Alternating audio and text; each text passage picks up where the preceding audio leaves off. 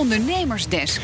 Wie als ondernemer wil groeien loopt tegen tal van vragen op. Daarom schuift Connor Klerks elke maandag aan in de Ondernemersdesk Groei met vandaag alles over aandeelhoudersovereenkomsten. Dag Connor. Goedemiddag. Wanneer heb je zo'n overeenkomst nodig? Nou, uh, bijvoorbeeld stel je hebt een BV opgericht. Daar horen dan uh, in elk geval statuten bij. En daarvoor ga je naar de notaris. Maar onder, onderlinge afspraken met, uh, met aandeelhouders, met stakeholders... die kun je vastleggen in een aandeelhoudersovereenkomst. Ik ben daarover gaan bellen met Klaartje Bulten. Zij is hoogleraar ondernemingsrecht. En zij legt uit waarom dat een goed idee is. dat is in die zin voordelig dat je bijvoorbeeld die aandeelhoudersovereenkomst zelf kan maken. En dat je daar dus niet een notaris of een, of een jurist voor nodig hebt. de aandeelhoudersovereenkomst is ook niet zichtbaar voor derden. De statuten liggen bij het handelsregister, die kan iedereen inzien. Dus in die zin hebben de, heeft de aandeelhoudersovereenkomst ook een vertrouwelijk karakter. Nee, je moet voor die overeenkomst naar de notaris, maar je stelt hem wel zelf op. Het is geen taakje voor de notaris, dus je moet weten wat erin moet staan. Wat mm -hmm. moet erin staan?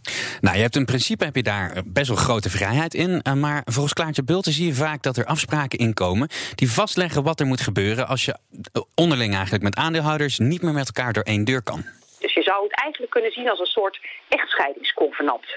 We gaan nu met elkaar een BV starten, we gaan nu met elkaar samenwerken. Maar wat gaan we doen op het moment dat die samenwerking stokt? En dat kun je heel goed regelen in een aandeelhoudersovereenkomst. Dan denk je van tevoren na over als het misloopt. Niet leuk om over na te denken, maar wel heel nuttig. Zijn dit dingen die je zelf kunt? Of zeg jij nee, ja, probeer toch maar een adviseur in te schakelen, dan wordt het er over het algemeen beter van? Ligt natuurlijk een beetje aan je achtergrond. Maar ja, als je geen jurist bent of niet heel goed in uh, dat soort zaken zit, is het toch wel handig om daar advies voor in te winnen. En dan is het een goed idee om toch naar die notaris te gaan. Want ja, die notaris uh, die heeft voor jou uh, de statuten opgesteld. Dus die kent je bedrijf heel goed. En die kan dan ook goed een link leggen tussen de statuten en de nieuwe overeenkomst.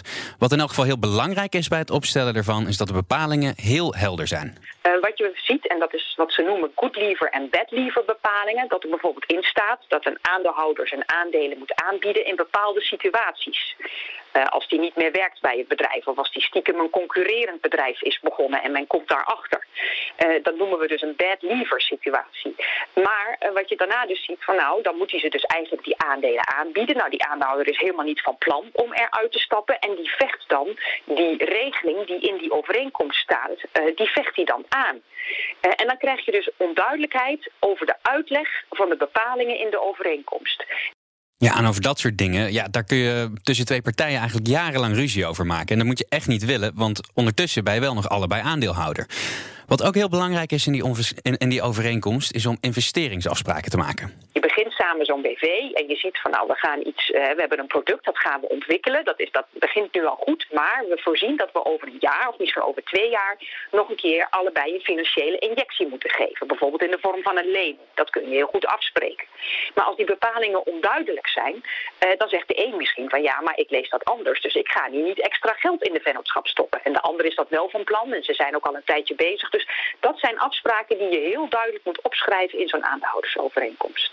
Zorg dus uh, kortom voor hele heldere bepalingen. Dat is echt essentieel. Want ja, als het niet waterdicht is, dan had je eigenlijk net zo goed niets kunnen afspreken. We hebben ook afspraken met elkaar. Betekent volgens mij dat we elkaar morgen alweer zien. Ja, absoluut. Gaan we het hebben over uh, inclusiviteit en in dit geval zwangerschapsdiscriminatie. Hoe je dat voorkomt en wat je eraan doet. Dus ik zou zeggen, blijf uh, zeker luisteren naar dit programma. Ook morgen, want dan is hij er weer. Conor Klerks, tot dan. Tot morgen. Nieuwsradio. BNR Zaken doen.